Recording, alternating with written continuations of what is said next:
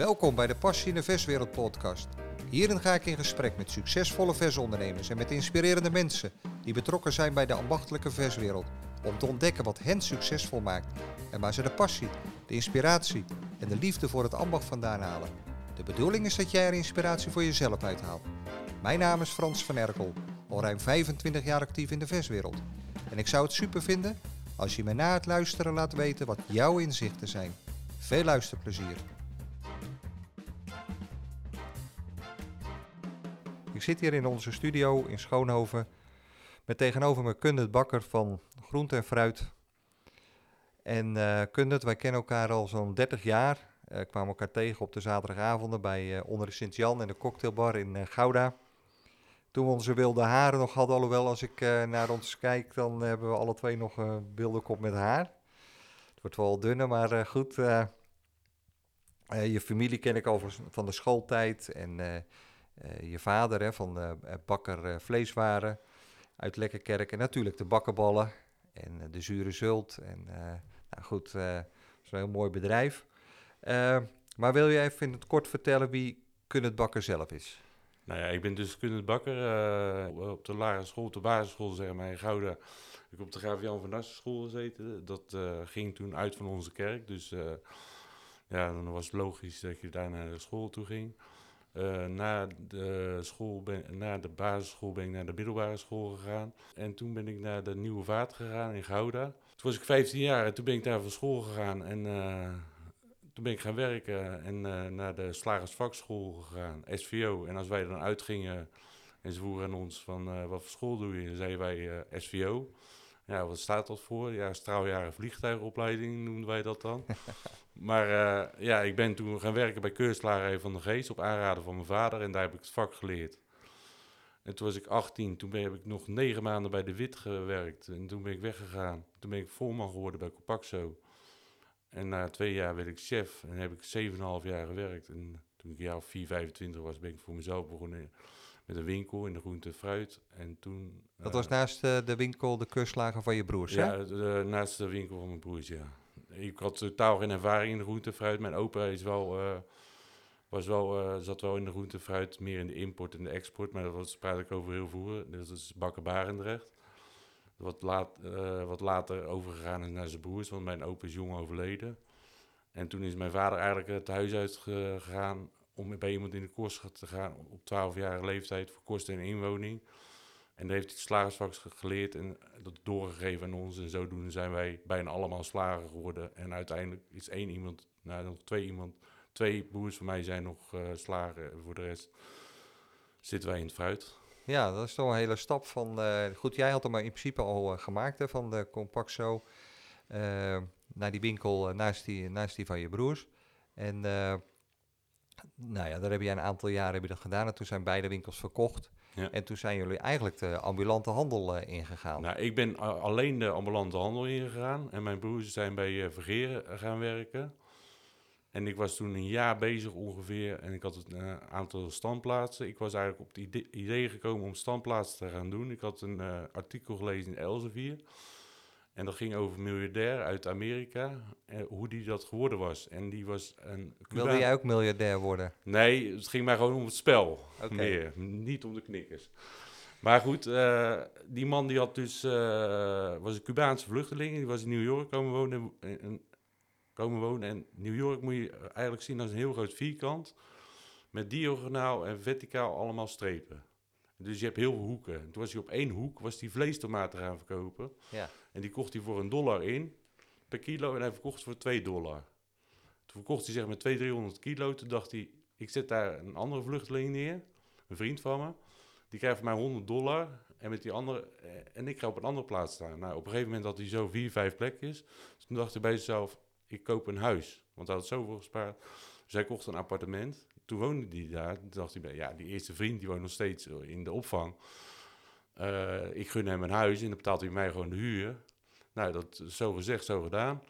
Maar met die huur en het onderpand van zijn eerste pand, zeg maar, kocht hij een nieuwe woning. Dus uiteindelijk had hij heel veel onroerend goed. En hield hij zich helemaal niet bezig met tomaten. En dat vond ik een mooi verhaal. Toen dacht Ja. ik, nou, ik ga dat met sinaasappels doen. De sinaasappelman werd het toen, hè? En toen werd het sinaasappelman, ja. Ja, want Ja, dat kan ik herinneren dat ik je her en der zag eh, staan op diverse plaatsen. Met, eh, nou ja, goed, eh, heel groot eh sinaasappelman. En nou goed, jullie zijn uiteindelijk met, met een broer ben je verder gegaan. Hebben jullie meer standplaatsen gekregen. En uiteindelijk heb je begin dit jaar besloten om alleen verder te gaan onder Kun het bakker, groothandel in groente en fruit. Ja, ja, hè? klopt, ja. En eh, nou goed, heb je, uiteindelijk heb jij tot nu toe, heb, als ik het goed begrijp, een eh, vast verkooppunt eh, in, Boskoop. Boskoop. Daar sta je geloof ik vier dagen. Zes dagen, Zes dagen Ja. zelfs, oké. behalve zondag. Ja, en wa- wat maakt die plek zo speciaal? Nou, er zijn mensen die, die zou je verbazen, maar er zijn mensen die gaan elke dag naar het tuincentrum. Voor een potje, voor Nee, een meen je dit? Ja, dat meen ik echt. Voor allerlei prularia. Nou, wat doen ze? Ze komen ook bij mij in de kamer. Ze nemen een mandarijntje mee, een sinaasappel of eh kistje. En eh, ja, de dag erop komen ze weer. En zo hebben we een, een enorme klantenkring gekregen eigenlijk. En alleen van Boskoop kan ik al heel goed leven. Ja, maar in principe zou heel veel tuincentra eh, zo- zo'n standplaats kunnen zijn. Of wat voor criteria eh, is, zit je, zit je waar, mensen zijn, waar mensen zijn, kan je verkopen. Dus je kan, ik heb toen gedaan, toen ik eh, de eerste standplaats die kreeg, dat was recht tegenover de Albert Heijn. Dus ik kreeg met, met mijn gezicht naar de Albert Heijn stond ik. Dus alle mensen die een karretje pakten van de Albert Heijn, die liepen langs mijn kraam. En dan zei ik goedemorgen, goedemiddag. En dan kwamen ze terug en zei ik goeiedag, goeiedag. Ook al kochten ze niks, ik bleef het volhouden. Het kwam een man bij mij in de kamer die zegt, joh, hij zegt, je staat hier al zo al een paar maanden tegen mij goeiedag, goeiedag te zeggen. Hij zegt, ik heb nog nooit wat bij je gekocht. Hij zegt, ik wil wat bij je kopen. Wil een keer sinaasappels. Hij zegt, wat kost dat? Ik zeg, 12,5 euro. Ik zeg, u krijgt drie weken eh, garantie voor elke rotte die erin valt. Hij dat gedaan. De volgende, dag, volgende week komt hij weer op vrijdag langs. Ik zeg, hoe eh, bevallen de sinaasappels? Ja, goed, super. Veel sap. Ik zeg, staat er een rot in? Hij zegt, eentje. Ik zeg, nou, dan krijg je twee cadeau. Dus die man, op laatst eh, nam die van alles mee. Ja. En mijn visie was eigenlijk, ik denk, ik ga tegenover de Albert Heijn staan. Eh, en wat is dan hardlopen? Dat zijn sinaasappels, aardbeien, kersen, asperges in het seizoen. Maar sinaasappels en mandarijnen heb je eigenlijk het hele jaar. En toen dacht ik bij mezelf, wat is de hoogste marge? Waar pak je de hoogste marge op? Dat was op sinaasappels en die andere dingen die ik noemde. Toen dacht ik, nou, laat ik nou de krenten verkopen. Dan mag Albert Heijn de pap verkopen. Ja, En dat, dat zo doen Zo is het Ja, gegaan. ja. Ja, en nu heb je dus één standplaats. En eh, nou, uiteindelijk, eh, daar heb je natuurlijk je ver- vergunning Ja. voor gekregen. Maar als je een nieuwe standplaats eh, wil hebben, is dat lastig om een vergunning te krijgen? Wil je het vandaag of wil je het morgen hebben? Oké, dus zo, eh, zo eenvoudig gaat dat. Ja, ja. Hey, en je zegt nou, in principe met die standplaats in Boskoop red ik het wel. Maar vind je het niet wat om het uit te gaan breiden en misschien een soort franchise-formule eraan te, te koppelen? eh, en werk je dan met vast personeel of ga je dan inderdaad eh, iemand, ja, een soort Nou ja, eh, kijk, mee laten delen ik, in? Ik, heb toen de tijd, ben ik in mijn eentje begonnen en is mijn broer er later bijgekomen. Op laatst hadden wij iets van eh 32 standplaatsen. En dan ging ik dat ook verhuren. Maar ja, weet je wat het is? Ik ben eigenlijk een beetje te goed voor deze wereld in die dingen. Dan, eh, eh, dan zie ik zo iemand ergens werken en denk ik, nou, die, die past wel bij ons team. Laat ik hem eerst komen werken en dan ga ik hem enthousiast maken dat hij voor zichzelf moet beginnen. Zoek plekkers voor hem, vraag ik het aan en uiteindelijk zet ik niks op papier. En eh, ja, dan gaan ze zelf inkopen doen en dan heb ik eigenlijk uit, uiteindelijk niks mee. Dus dat is niks voor mij, franchise. Wat ik wel leuk vind is gewoon bijvoorbeeld aan restaurants of groothandels eh, leuke partijtjes te verkopen. Maar je moet nu zo zien, ik ben gewoon weer nu op nul begonnen. Dus ik wil eh, eigenlijk weer eerst settelen en dan weer verder denken. Ja. Dus rustig aan. Ja, helemaal op nul is het natuurlijk niet, Nee. omdat je al je klantenkring hebt, maar Ja. wel, eh, je hebt Ja. één locatie Ja. en even rustig en dan eventueel uitbreiden. Ja. Hey, en dan vanaf dag één hè, is bij jullie die, die, die, die kwaliteit die staat bovenaan. En nou, wat je net zei, de service, hè, de, de vriendelijkheid, eh, op die manier. Nou, mensen vinden het altijd... eh, Kijk, als, je een nieuwe auto koopt... bijvoorbeeld, er komt een man bij mij in de kamer... die heeft een nieuwe Peugeot 605 gekocht. Op zich vind ik het niet, geen mooie auto. Ik zou hem zelf nooit kopen. Maar die man is er heel erg blij mee. Maar de buurman heeft het nooit tegen hem gezegd dat het een mooie auto is. Niemand in de straat eigenlijk. Dan kom je bij een groenteboer. Die staat onder een parasolletje op een hoek van de straat. En dan ga je wat mandarijnen halen en die gaat vertellen dat je een mooie auto hebt. Is dat spel of is, zit dat echt in je? Dat zit in me. Oké, dus niet, niet, nee, gem- nee. niet gemaakt. Maar ik ben ook oprecht nieuwsgierig. ja. Dus ik loop mee naar de auto. Ik vraag of ik er even in mag zitten. Hij zegt, joh, je mag rustig een rondje rijden. Ik zeg, maar ik heb liever dat u meerijdt. Ik zeg, dan rijden we een rondje. En dan zeg ik altijd, ik heb nog nooit in zo'n lekkere auto gereden als waar ik nu in gereden heb. Ik zeg, meneer, ik zeg, als ik u was, zou ik echt jaloers zijn. Ja, Ik zeg, dat is spel en oprecht. ja, nee, ik begrijp het. eh. vandaar dat ik toen ik eh, bij jou kwam en eh, jij met je nieuwe auto kwam, die zeggen weer een rondje rijden. Toen gaf Ja. gelijk de sleutels aan Ja, mij. ja. Dat, ja, klopt. Hey, ehm, ik, ik las ergens dat je direct van de, bij de boer koopt. Ja. Alleen, ehm, eh, ja, dat gaat natuurlijk niet met sinaasappels en citrusvruchten. Nee. Rechtstreeks bij de boer. Hoe, vertel daar eens iets over. Nou, je hebt bijvoorbeeld aardbeienboeren, die hebben zoveel hectare kas. Nou, dat is ongelooflijk als je daar komt hoe groot dat eigenlijk is. Daar heb je helemaal geen idee van. Dan praat je over eh, glastuinbouw. En, met 10 hectare of 15 hectare eh, aardbeien onder het glas. En eh, met eh 200, 300 eh, Oost-Europese mensen die allemaal met handjes in de lucht staan aardbeien staan te plukken. En als er een handje naar beneden gaat, roept de tuinder eh, onderaan de stelling, ik zie een handje. En dan eh, wordt er gauw weer geplukt. Eh, ja, dat is ongelooflijk. En daar koop ik eh, dan bijvoorbeeld klasse 2 aardbeien bij, aan het begin, want dan zijn de aardbeien nog heel erg duur. In klasse 2 aardbeien moet je zien, dat, dat kan in de supermarkt, die kunnen daar niet weg mee.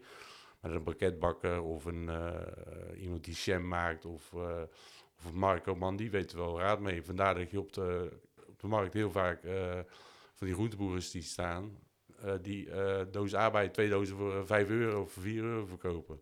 Ja. Ja, zo'n kat koop je in voor, eh voor 6, 7 euro. En dan die levert er gewoon serieus geld op dan. Maar dan, dan let je dus heel erg op de, op de prijs, terwijl dat eigenlijk kwaliteit bij jullie bovenaan staat. Ja, maar dan moet je wel mee je schipperen. En, en. Ja, oké. Dus ik, ik koop en hele goede. Bijvoorbeeld, je hebt nu de Lambada aardbeien. Dat is eh, de, de Michelin onder de aardbeien. ja. Eh, maar je hebt ook Sonata's. Dat is ook een hele goede luxe aardbei. Maar niet zoals de Lambada. Lambada heb je altijd maar een paar weken, of een anderhalve maand ongeveer. Sonata wat langer. Aan het einde van deze week krijg je de eerste eh, eh, eh, El Santa aardbeien. Dat is de- meest gangbare aardbei die straks de hele zomer gaan zien. Die komen van binnen en van buiten. Dus wat je ehm, hier bij de boer kan kopen, eh, dat, dat koop je hier in Nederland. Er zijn natuurlijk producten die uit het buitenland komen, zoals eh, citrus. Ehm, kijk je alleen naar smaak, dus kwaliteit en de, de prijsverhouding, of ook of die boeren in het buitenland een eerlijke prijs krijgen en of het eh, verantwoord en milieuvriendelijk verbouwd is. Of is dat heel lastig om daar een eh, kijkje in te krijgen? Voor, citrus is dat heel erg lastig. En eh, ik doe, verschillende van mijn familieleden hebben importbedrijven in Barendrecht. Die rechtstreeks importeren uit Zuid-Afrika, Spanje, Portugal, noem het allemaal op. En ja, ik ga niet aan u vragen van hoe je met, het, Nee. met de boeren doet. Maar ik ben wel opgevoed. als wij bijvoorbeeld, mijn oom Janus, waar mijn vader samen de zaak mee deed. Die ging bijvoorbeeld de koe kopen en dan eh, ging hij onderhandelen. En dan ging hij ging op de scherp van de snede. Maar als er dan de klap opgegeven was. En dan zei hij altijd tegen de boer: Heb je nog wat aan verdiend? En dan zei die boer: Nou, maak je geen zorgen. Hij zei: Oké, dan is het goed.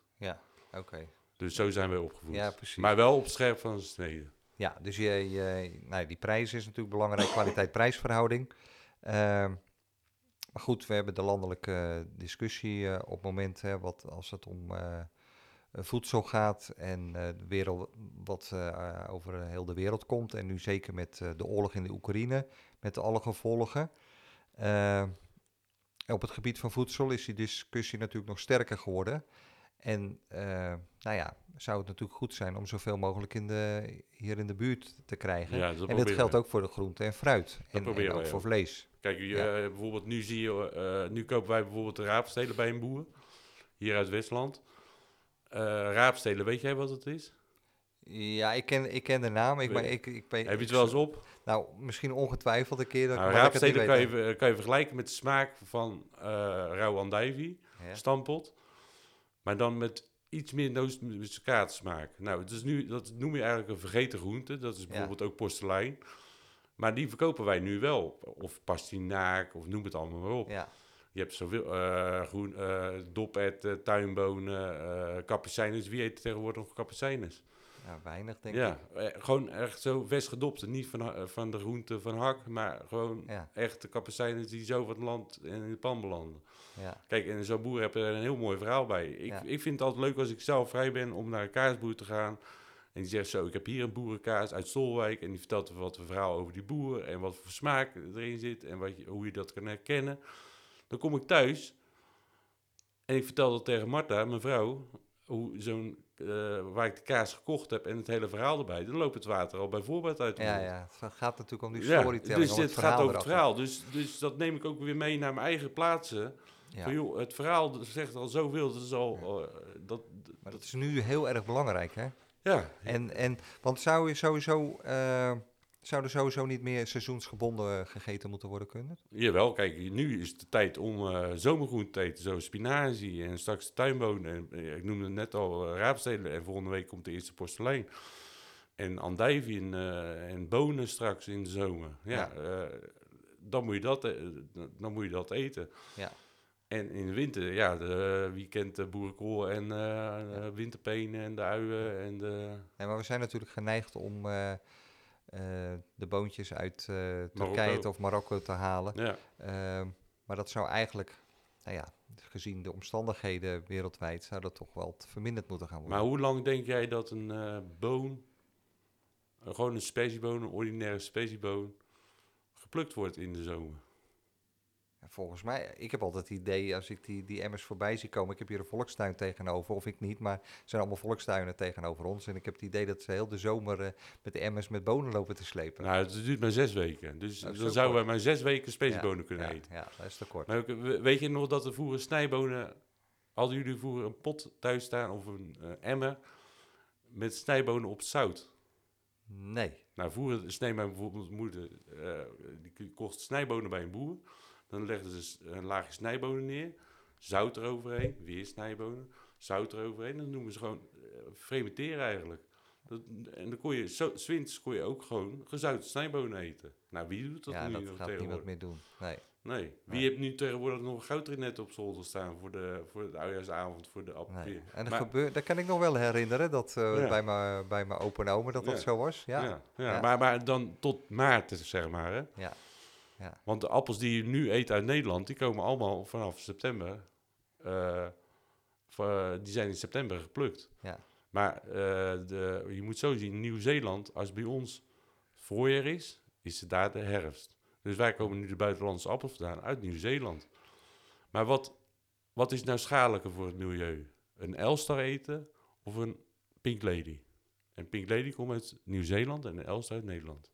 Ja, ik zou zeggen eh, wat uit Nieuw-Zeeland komt. Nee, want eh, qua, eh, om die producten goed te houden in cellen, is ook allerlei stroom voor nodig. Dus dat heeft meer uitstoot uiteindelijk als die appel uit Nieuw-Zeeland. Dus er is denk ik heel veel onkunde in Nederland onder de, onder Ja. de Ja, je moet, je moet, we moeten niet meer in Nederland denken. We moeten het wereld, de wereld is één groot dorp geworden. Ja, ja. Hey, maar, maar goed, uiteindelijk eh, denk ik wel dat jij ook merkt dat mensen bewuster gaan eten. Eh, minder vlees, of jij hebt natuurlijk veel met eh, vegetarisch veganisten te maken. Mm. Dan kom jou in principe te goede. Ja, ik, ik heb een goede vriend die binnenkort ook bij jou een podcast komt opnemen, Jo Roos. Ja? Sinds mijn 16 ga ik daarmee om. Ik heb vroeger eh varkenshaasje met hem verkocht. Eerst Ja. in mijn eentje en later heb hij dat overgenomen. Dat werd Roba. Dat is, eh, is jou wel bekend, Frans. ja. En uiteindelijk is hij verder gegaan met Carpaccio en eh, heeft zijn eh varkensvleestak verkocht aan de Waal Interkring in uh, Hendrik Ambacht. Nou, Johan Roos die snijdt heel veel runde Carpaccio, tonnen per week, tientallen. Maar ja, dan kwam ik 's ochtends naar binnen en dan moesten wij naar de markt toe. En dan stonden daar die snijmachines al te rammelen. En dan dacht ik bij elke klap die ik hoorde, dat was weer een euro, weer een euro, weer een euro. en, ik- en, en mijn kassa ging nog niet. Dus ik dacht bij mezelf, dat wil ik ook. Dus ik heb met Johan overlegd. Ik zeg, wij moeten iets hebben wat echt, echt helemaal nieuw is. Wat echt een trend wordt. Hij zegt, wat, wat wil je dan? Ik zeg, een vegetarische carpaccio. Ja. Hij zegt, waarmee? Ik zeg, met knolselderij of met biet. Nou, toen hebben we dus de biet gekozen. Toen zijn we een, eh, hebben eh, gekookte bieten gekocht bij Vergelder, in Ridderkerk. Ja. Nee, bij Bas Walderveen in, eh, in Nieuwegein. En eh, we hebben zo'n koot laten komen. En we hebben het eh 10 kilo. En we hebben het op allerlei mogelijke manieren proberen in een paal te krijgen als een worst. Dus vermalen, in stukjes gesneden, noem het op. En niks lukte. Een, een, een, te- een voedingstechnoloog laten komen van TNO, die wist het ook niet meer. Met zeewier, ik weet het allemaal niet, maar een heel top. Uiteindelijk moest ik aan, de woorden van mijn vader denken, die zei altijd... De moeilijkheid zit in de eenvoudigheid. Ik zeg, weet je wat we doen, Johan? We zetten gewoon zo'n kroot op een snijmachine. We snijden gewoon in plakjes en we leggen hem in een rondje. Zo gezegd, zo gedaan. We hebben tien laagjes in een doosje gedaan. Dus tien keer een ons. Zijn naar Vergelden gegaan. En die wilde gelijk het alleenrecht hebben. Geweldig verhaal. Maar goed, nu verkopen we dus eh Carpaccio aan eh, La, Cubina- La Cubinita. Dat is een organisatie van Brechtje en zussen. Zusje en Ja, zo. ja. Nou, daar verkopen we het aan. En eh knolselderij, die doen wij in de oven. En doen wij ook op een bepaalde manier roken. Dat is geheim van de smid. En die snijden wij er ook. Maar wat denk je van een ananas carpaccio kunnen we maken? We kunnen een frambozen carpaccio, een aardbei Oké. carpaccio. Die voorbeelden hebben we allemaal en ook verkocht. Ja, en is het dan mogelijk, eh, of juist onmogelijk, om daar eh, alleen recht op te krijgen? Eh, Of gaan ze het niet zo weer naapen? Naapen, dat gaat niet lukken. Want een mens is heel begeerig en die wil gelijk duizend kilo verkopen. Maar het geheim... Ik zeg altijd, als ik naar de markt toe ga, dan sta ik op een standplaats... en er komt er een vrouw aan de kamer en die zegt bijvoorbeeld tegen ons... Er is hier een nieuwe groenteboer gekomen. En dan vraag ik, oké. Ja, met een hele grote kar. En ze hebben door de hele buurt hebben ze gefolderd. Tien man met personeel en het was druk. Ik zeg tegen de jongens, joh, daar hoef je niet bang voor te weten. Het duurt drie weken. Ja. En drie weken later zijn ze weg, want ze verdienen geen piek. Maar weet je waar ik wel bang voor ben, Frans? Voor die struikrover die met één parasolletje en drie kratjes komt. En die drie kratjes verkoopt en in zijn busje gooit, naar huis rijdt en de volgende week met vier kratjes komt. Ja, Want daar zit geen einde aan. Kijk maar naar Jonge Roos. mooi voorbeeld. Ja, zeker. Hey, maar goed, je, jij moet je daarnaast eh, ook eh, onderscheiden van eh, de supermarkt. Of onderscheiden, maar daar heb je wel mee te maken. Want laten we eerlijk zijn, Lidl heeft natuurlijk een hele groen, goede groente- en fruitafdeling. Ehm, en ik weet dat je een standplaats had, nou, schuin tegenover Ja. de Lidl, als ik het goed heb. Ja. Eh, dat valt dan niet mee, of... eh, Ik ben nog nooit bij die Lidl naar binnen geweest. Oké. Ik kijk niet naar de prijs, ik ga alleen maar uit van mijn eigen kracht. Zeg maar. Ja, dat is ook vaak het Ja. beste. Mooi. Dus eh, de- ja, goed. Je, Nee, kijk weet helemaal niet ik wat... Zou, ik, eh, zou, ik zou niet weten wat voor nee. vader erin zit. Nee, oké, nou goed. Ehm, nou, eh, maar ik kan me wel voorstellen, bij die Lidl en die Albert Heijn en eh, slecht weer, eh, lekker eh, warm. Wat beweegt iemand om bij jou daar in de kou en op de wind soms eh, in de rij te gaan staan? Nou ja, zo, wij zeggen altijd, zomers zijn we keizers en winters zijn we bedelaars. Ja. Zomers eh, draaien wij 100%. Dan, eh, van de 100 mensen die langskomen, kopen er 100. En winters is dat 30%. En als het heel slecht is, 20%. En voor Ja. die 20%, dat zijn de meest trouwe klanten. Maar dan moet je dan ook op inzetten met, je, met personeel. Ja, maar wij hebben allemaal eh inhuurders, zeg maar. Ja. Allemaal nul uur contract, Ja, meeste. Dus net als in de, de strandtentwereld, ja, eh, zo moet ik dat bij jullie ook wel een beetje zien. Ja. Ja. Maar zelf sta je wel eh, in beer en wind. Want wat, eh, ik kom zo op die ambulante eh, markten, de ambulante handel. Want dat is natuurlijk wel een Mm. interessante, hè, want je bent de eerste in de podcast die, eh, nou ja, toch soort ambulante, ook al heb je vaste standplek, maar het is wel ambulante handel. Aparte wereld is dat Ja. ook. Eh, jij hebt in ieder geval eh, voor een, nu een vaste standplaats, maar waarom kies jij niet voor eh, een dag- of weekmarkt? Als je op een weekmarkt komt, dan staat de stoffenkraam die zegt het is slecht weer. En de hele dag, de- als je met die man gaat praten en je loopt nog niet bij een psychiater, dan ga je er wel bij lopen. Dan word je helemaal niet vrolijk van. Dan is er een visboer die altijd heel veel geld kan lenen. Dus die meest dikke wagen rijdt.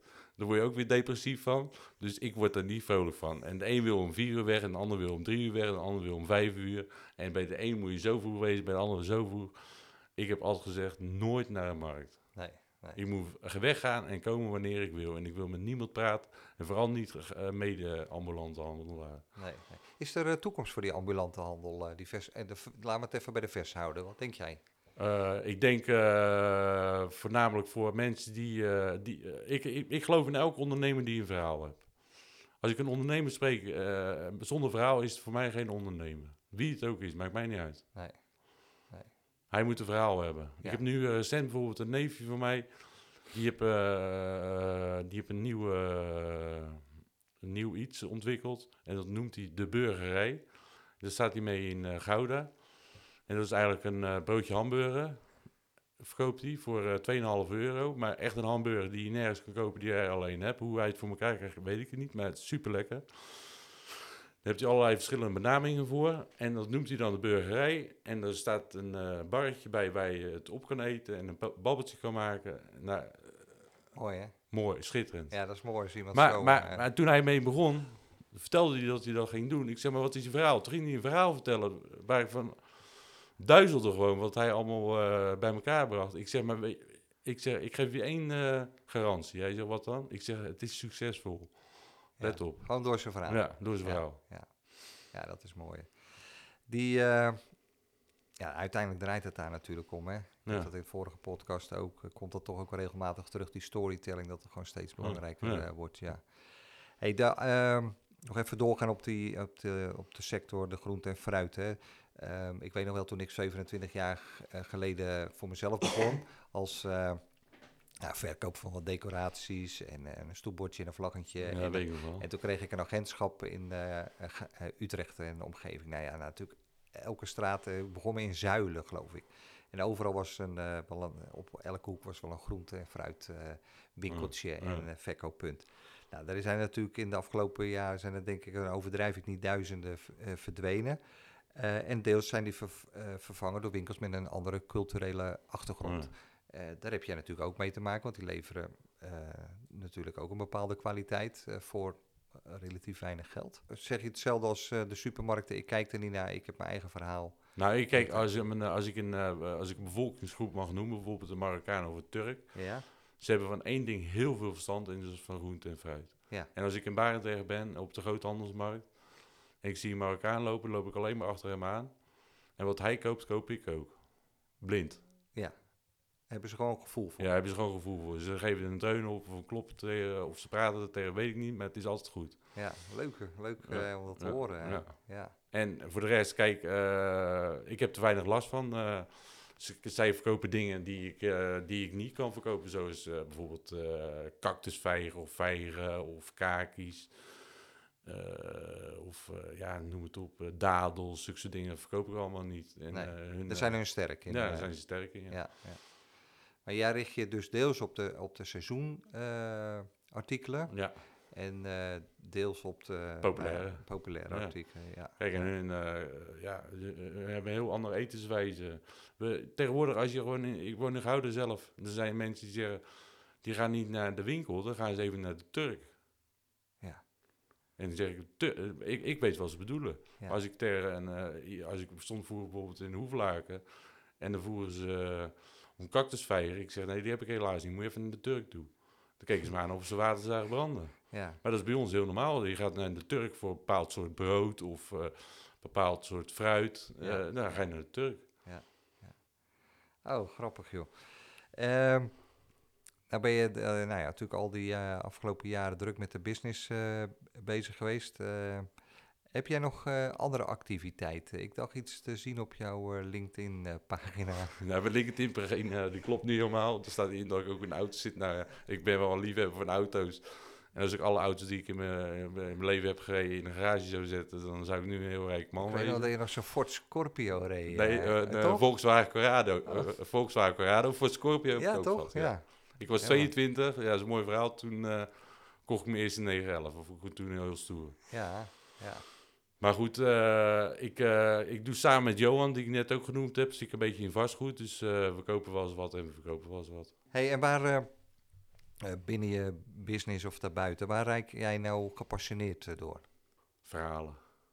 Ja, dat, dat, dat is Vind ik mooi. Ja, verhalen vertellen of verhalen horen. Dus verhalen, dat is... Ja. eh, en daarom vertel je zelf ook graag verhalen. Mijn, eh, mijn Even. opa die eh, was eh, als jongen eh, naar Amerika gegaan en eh, die was eh, weer teruggekomen naar Barendrecht, waar hij geboren was, waar zijn roers ook lagen. En als hij bij de kapper kwam, had hij een aparte stoel waar hij eh, op mocht zitten, want eh er kwam Jan Bakker en die kwam verhalen vertellen. En die vertelde dat in Amerika olifanten werden gemolken in regentonnen. Zulke soort verhalen. Ja, ja. Mooi. En eh, nou, dat soort verhalen probeer je dan aan de kraam ook te vertellen. Ja, Ja? Ja. Hij je gewoon eh, verhalen te vertellen. Ik had pas een, eh, een, een man bij mij in de kamer, die kwam spullen kopen. Hij zegt, joh, even vraag. Hij zegt, ik stond hier met een vloek vorige week. En hij zegt, waren jullie dicht op woensdag? Hij zegt, waarom? Ik zat te denken, vorige woensdag, waarom was ik ook weer niet? Oh ja, dat was daarom. Ik denk, oh ja. Ik zeg, nou, ik, zeg, ik zal het vertellen. Ik zeg, ik was met een paar vrienden, was ik ergens heen gegaan... om te bedanken dat u heel het jaar bij mij door weer en wind heen was gekomen... om spullen bij mij te kopen.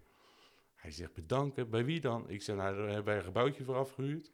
We gaan met z'n allen zitten. En eh, iedereen heeft wel iemand die, eh, die bij hem geweest is. Weet eh, waar je naartoe gaat. eh, ja, en eh, om te bedanken. Ik zeg, nou, dat heb, ik heb u genoemd. Hij zegt, nou, breng me klomp. Hij, hij zegt, hoe noem je dat dan? Ik zeg, nou, in Amerika noem je Thanksgiving Day. Hij zegt, wat betekent dat? Ik zeg, nou, dat heet dankdag. Oh, zegt hij, dankdag. Oh ja. Dus hij zegt, maar naar wie doe je dat dan bedanken? Ik zeg, ja, naar degene die u gestuurd hebt. Hij zegt, niemand heeft mij gestuurd. Ik zeg, ja, daar weet u niks van. Ik zeg, maar u krijgt honger. En u hebt bij mij een appeltje wezen kopen die je overal kan kopen. En bonen gehaald. Ik zeg, die kunnen ook overhalen. Maar u kwam naar mij toe. Ik zeg, en dat is niet voor niks geweest. En daar heb ik voor bedankt. Ja, hij heeft nog nooit gehoord, zo'n verhaal. Maar had je niet dominee moeten worden in plaats van... nee, eh, nee, nee. Nou is dat of evangelist? hè? Ja, inspiratie, hè? dus eh, gepassioneerd word je door verhalen. Ehm, eh, haal je daar ook je inspiratie uit of zijn er andere dingen? Zeg je, joh, ja, een gezin, een, een, een hobby of iets? Of dat je gewoon geïnspireerd wordt. Of, Nou, of als juist uit je, uit je vakgebied. En je zegt, nou, ik ben op vakantie en, en, en, en ik ben daar. En dan zie ik dingen, ik hoor dingen. En dan word ik geïnspireerd ook voor, voor, mijn, voor mijn business. Maar ook om jezelf weer op te laden. Nee, als ik gewoon op vakantie ben, dan ga ik altijd wel naar de markt toe of naar een winkel. Dan haal ik inspiratie uit. Dat zou jij ook hebben als jij in de winkel komt dan, eh, en eh, Ja. jij hebt het niet ingericht, dan krijg je ook inspiratie van, Ja. toch? Ja, zeker. Nou, als ik op een markt kom en ik zie iemand eh, met vijf pallets fruit om me heen staan en eh, tasjes aan de broek hangen en eh pinautomaten en pinnen en klanten helpen, ja, dan zie ik mezelf gewoon staan en dan krijg ik wel weer zin om te werken. Ja, ja. Maar ik zeg altijd 50 we- per weken per jaar op vakantie en twee weken werk ik. Sorry Marta. Ik zeg het ook altijd tegen haar. Zijn 50 weken werk ik. Twee weken per jaar op vakantie. Ja, verder heb jij geen vakantie in principe. Nee, maar ik werk 50 weken per jaar vakantie en twee weken werk ik. Oh, dat twee weken werk je. En dat is als ik vakantie ben. Werk je dan naar je gezin? Dan werk ik aan mijn gezin. ja. Ja, ja. maar de rest? Ook. Wel. Dan werk ik voor mijn gezin. Ja. En als ik tijd over heb, dan doe ik dingen met mijn gezin. Ja. Ik heb recent een duivenhok in mijn tuin laten bouwen. Gewoon een klein huisje eigenlijk. Waar je gewoon in kan lopen. En eh, ga ik postduiven inhouden eh, samen met Oh, mijn leuk. zoon Ja, Jari. leuk. En dan... eh, Gewoon lekker ontspannen Ja, en gewoon ja, met, je, met je jongens bezig nou, zijn. ik vind het ook leuk om in het tuinwerk te, te bezig te zijn. Of, eh, maar ik, ik, kijk, ik zeg altijd, ik vind het spel wat ik nu doe, het werk wat ik doe, zie ik als een spel. Ja. En daar heb ik knikken voor nodig, maar die knikken vind ik niet het belangrijkste. Nee, nee. Nou ja, dat is heel mooi. Je hebt ze nodig inderdaad Ja. om eh, Ja. te leven. Ehm, even buiten eh, een, eh, theologisch antwoord. Wie is jouw grote voorbeeld? eh, Mijn vader, je vader? Ja. Ja. ja. is natuurlijk wel een zakenman. ja. Nou, ja, een groot, bedrijf. eh, Ik denk dat hij meer, eh, hij was wel een zakenman, hij was ook een ondernemer, maar heel creatief. En daar hebben jullie dat ook van? Of daar heb jij dat van? Daar heb ik dat wel van, ja. Ja. ja. Ja. En eh, ook gewoon weer doorzetten als het tegen zit?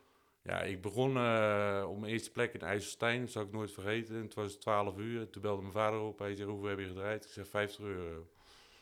Hij zegt, 50 euro?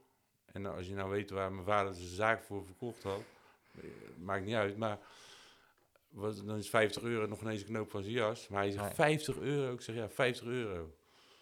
Hij zegt, dat is toch mooi, 50 euro. En toen, elke dag belde hij. En van heb hij altijd gedaan tot zijn dood toe. En dan elke dag belde hij. En dan belde hij op maandag belde hij op hoeveel mijn rekeningen waren. En smiddags belde hij. Dan zei hij, oh ja, dan heb je zoveel aan rekeningen. Dan heb je zoveel overgehouden. En ik weet nog dat de eerste week was 600 euro wat ik overhield. Hij zegt 4 keer 6 is 2400 euro.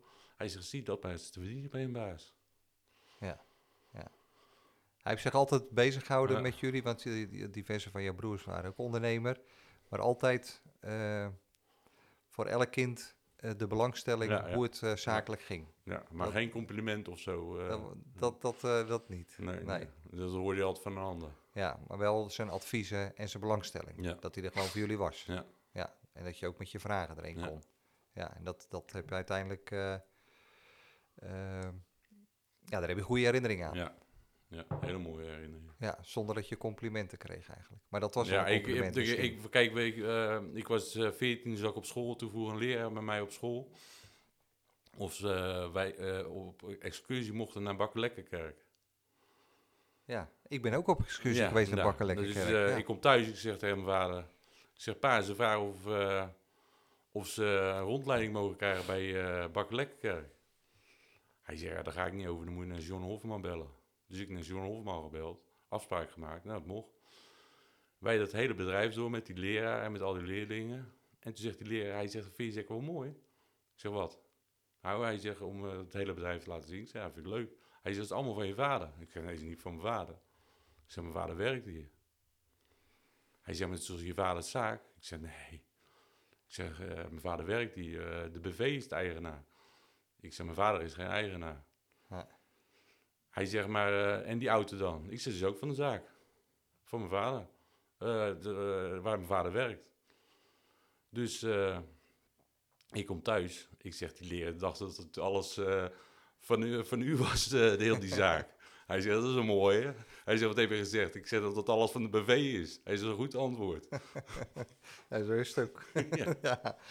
Hey, ehm, ehm, nou eh, wil er een eh, enthousiaste jong of meisje ondernemer worden. En eh, nou, zijn haar of haar keuze valt op de, op de ambulante handel. En dan nog in de groente en fruit ook. Nou, hoe mooi kan je het hebben? Wat zou je diegene mee willen geven? buiten dat ze dan voor jou moeten komen werken. Maar wat zou ze iemand mee willen geven die zo enthousiast is? Nou, vooral, vooral enthousiast blijven. En zoeken wij, wij energie, en naar dingen zoeken waar je energie van krijgt. We, kijk, de een vindt het leuk om een fruitsalade te maken, de ander vindt het leuk om een fruitsalade te verkopen. Ja, maar, maar is er voor zo iemand toekomst? Tuurlijk, als voor mij toekomst is, het voor haar ook. Ja, oké, dus, eh, zo zou ik het ook zeggen. Maar als we eh, reëel bekijken, is er, is er voor die handel, in die, ook in die ambulante handel... eh, Nou, als, je, als je over het algemeen kijkt, gewoon in heel Nederland, eh, waar, waar, waar is dan wel toekomst voor? Dat is voor een Ja. leraar en voor een verpleegster. Ja. En voor de rest wordt alles geautomatiseerd. Maar een mens is een kuddedier en die, wil, die zo- zoekt altijd sociale plekken op. Nou, waar, wat is de meest sociale plek die je kan bedenken buiten een bejaardenhuis om? Dat is de markt. ja. Die, verwacht je dat die markt blijft? Ja, tuurlijk. Ja? Daar ben Uiteraard. je echt van overtuigd? Ja. Ja. Nou, op, op een andere manier misschien wel. Maar, maar eh, kijk, ik denk bijvoorbeeld eh, als jij nou helemaal gek bent van een bepaald merk. En, en, je, en je gaat er helemaal in verdiepen en, en, je, en je wil dat ook graag eh, aan de man brengen en daarover vertellen en mensen enthousiast over maken, dan moet je dat vooral doen. Ja. Bijvoorbeeld, eh, je hebt in uh, Oud-Beiland heb je zo'n zaak zitten, dat heet Gentleman. Ja. Of bijvoorbeeld Jacob Cohen. Dan moet je met zo'n man eens gaan praten over een Jacob Cohen spijkerbroek. Dan gaat hij over de stiksels vertellen, wat voor knopen er gebruikt worden, wat voor garen, noem het allemaal. Maar zijn broek kost wel 400, 500 euro. Ja. Maar als iemand er ook gek van is, die is Ja. er bereid om dat voor te betalen. Nou, mijn zoon die zit eh, sinds kort bij Opticien Ja, eh, in Gouda. ja, Eh, bij campus. ja, uitgeroepen tot de mooiste van... ook van bril. Ja, en ja, als, als die gozer over een bepaald merk zonnebril praat... Ja, en hoe kort dat hij er ook werkt, dan worden mensen zo enthousiast van... ja. dat ze in plaats van met een Reba gaan ze met een Dita naar, eh, ja maar naar je kan ook naar Hans Anders gaan voor een Ja. zonnebril, eh, voor een parti- Ja, ja, maar het verhaal en, en ja, weet je hoe hij dan eh, erover vertelt, Ja. dat, dat is het natuurlijk. Ja, ja, maar het is met alles zo. Ja. Kijk maar naar Bram Ledage. ja prachtig. Die verkoopt een verhaal. Ja, het is prachtig. Iedereen kan toch aardappels verkopen? Ja. Die een stukje snijden en even in een frituur eh, gooien. Ja. Ja, nee, eh, daar komen we weer op terug. Dat is toch het, eh, Ja. die- die- het verhaal erachter Ja. en het enthousiasme. En eh, ja, daar, daar kan je de toekomst mee winnen, toch? Ja, ja. Ja. Maar als je het mag beleven, kunt het. Waar, waar zi- zie je jezelf staan over vijf, tien jaar in, in, in de handel waar je zit? Eh, je bent net nou ja, weer een nieuwe stap eh, gezet hè, in je, Nou, dan, hoop in ik dat ik, dan hoop ik dat ik dat, mijn kind, dat een van mijn kinderen ook in de zaak zit en dat we Ja. samen gezellig achter de kraam staan. Ja, dat lijkt je helemaal het ideale beeld. Gewoon met een van die gasten. En, Ja, eh, dat hij ook gek van auto's is en dat ik hem daarin moet remmen of jij Ja, weer gas moet ja. geven. Want hoe oud is de oudste bij jou? Mijn oudste dochter is 16, die staat nu op de markt ook. Maar Ja? die wil graag de horeca in. Nou, dat mag ook. Dat is ook leuk. En eh, mijn, mijn jongste is 5. Ja. Dat is dus, een eh, kapietje van mezelf. Oké, dus dan moet je even wel geduld hebben. ja, ja, ja. Ja. Hey, en wat zou je nog als laatste eh, vers ondernemend Nederland mee willen geven in het algemeen? Want dat is, nou ja, goed, vers. Daar, daar, daar is deze podcast ook voor, hè, passie in de verswereld. En dan vind ik het wel mooi om een mooi slotakkoord te Nou, hebben. ik, van, denk, ik denk dat je gewoon vooral je, je moet eh, of je moet alles doen, heel breed, of heel smal en diep. ja, Maar breed en, en, en alles, alles doen, nou, dan moet je zoveel passie hebben. En moet je, moet, je, moet, je, moet je van elk dingetje wat je verkoopt, moet je net zoveel verstand hebben als het grootste wat je verkoopt. En overal een verhaal bij vertellen, dat is bijna onmogelijk. Maar een mooi voorbeeld vind ik dan bijvoorbeeld Landwaard, waar je het net ook over had. Ja, zo'n man eh, vind ik gewoon geniaal. Ik zou dat niet kunnen. Nee. Maar ik vind het wel schitterend. Dat, dat Ja. vind ik een voorbeeldwinkel. ja, ja. Maar eh, Brammeladage vind ik ook een voorbeeldwinkel. Je onderscheiden Ja. op welk gebied meest? Is dat op kwaliteit? Eh, Is met dat op mensen gaan met, met de- nee, prijs, het segment mensen wat wij aanboren, zeg maar, wat ik aanboor, eh, is niet per se prijs, maar is wel kwaliteit en gewoon het verhaal en de smaak. ja. Ja, kijk, je kan mandarijn mee naar, je werk nemen en er zitten tien mensen naar te kijken van, ik snap niet dat je naar binnen geschoven krijgt, maar je, hebt ook, je kan ook een mandarijn meenemen, dat iedereen het water door zijn mond heen loopt. En die heb jij? Die heb ik. Ja. Ja, ik verkoop bijvoorbeeld, eh, nu krijg ik straks weer Satsuma's. ja. Dat is een beetje zurige mandarijn. En als er dan een man aan bij mij in de kamer komt en die zegt, heeft u ook lekkere mandarijn? Ik zeg, ik heb herenmandarijnen, ik heb damesmandarijnen. Hij zegt, wat zijn de damesmandarijnen? Ik zeg, u mag raden, zoet of zuur? Hij zegt, zoet. Ik zeg, nee, andersom. Dames, mandarijn is zuur. ja. Beetje zuur. Ja, ja, Maar met eh, weinig pit ja, en weinig vruchtvlees. Het is gewoon lekker sappig. ja. En een herenmandarijn is? Zoet, Goed. met af en toe een pitje. Oké, nou dat is een mooi slot, eh, Kunder. Ja. Eh, bedankt voor je openheid en het geven van een inkijkje in de ambulante Ja. handel. En ik wens je alle goed, zowel in de business als persoonlijk met je vrouw en kinderen. Jij ook, eh, Frans. En bedankt dat ik hier lang kon komen. Zeker, mooi. Super dat je weer luisterde naar deze podcast. Het is eenvoudig om een review achter te laten als reactie op deze aflevering. Ga naar je podcast-app en klik op reviews en laat bijvoorbeeld 5 sterren achter. En wil je in het vervolg alle afleveringen overzichtelijk onder elkaar?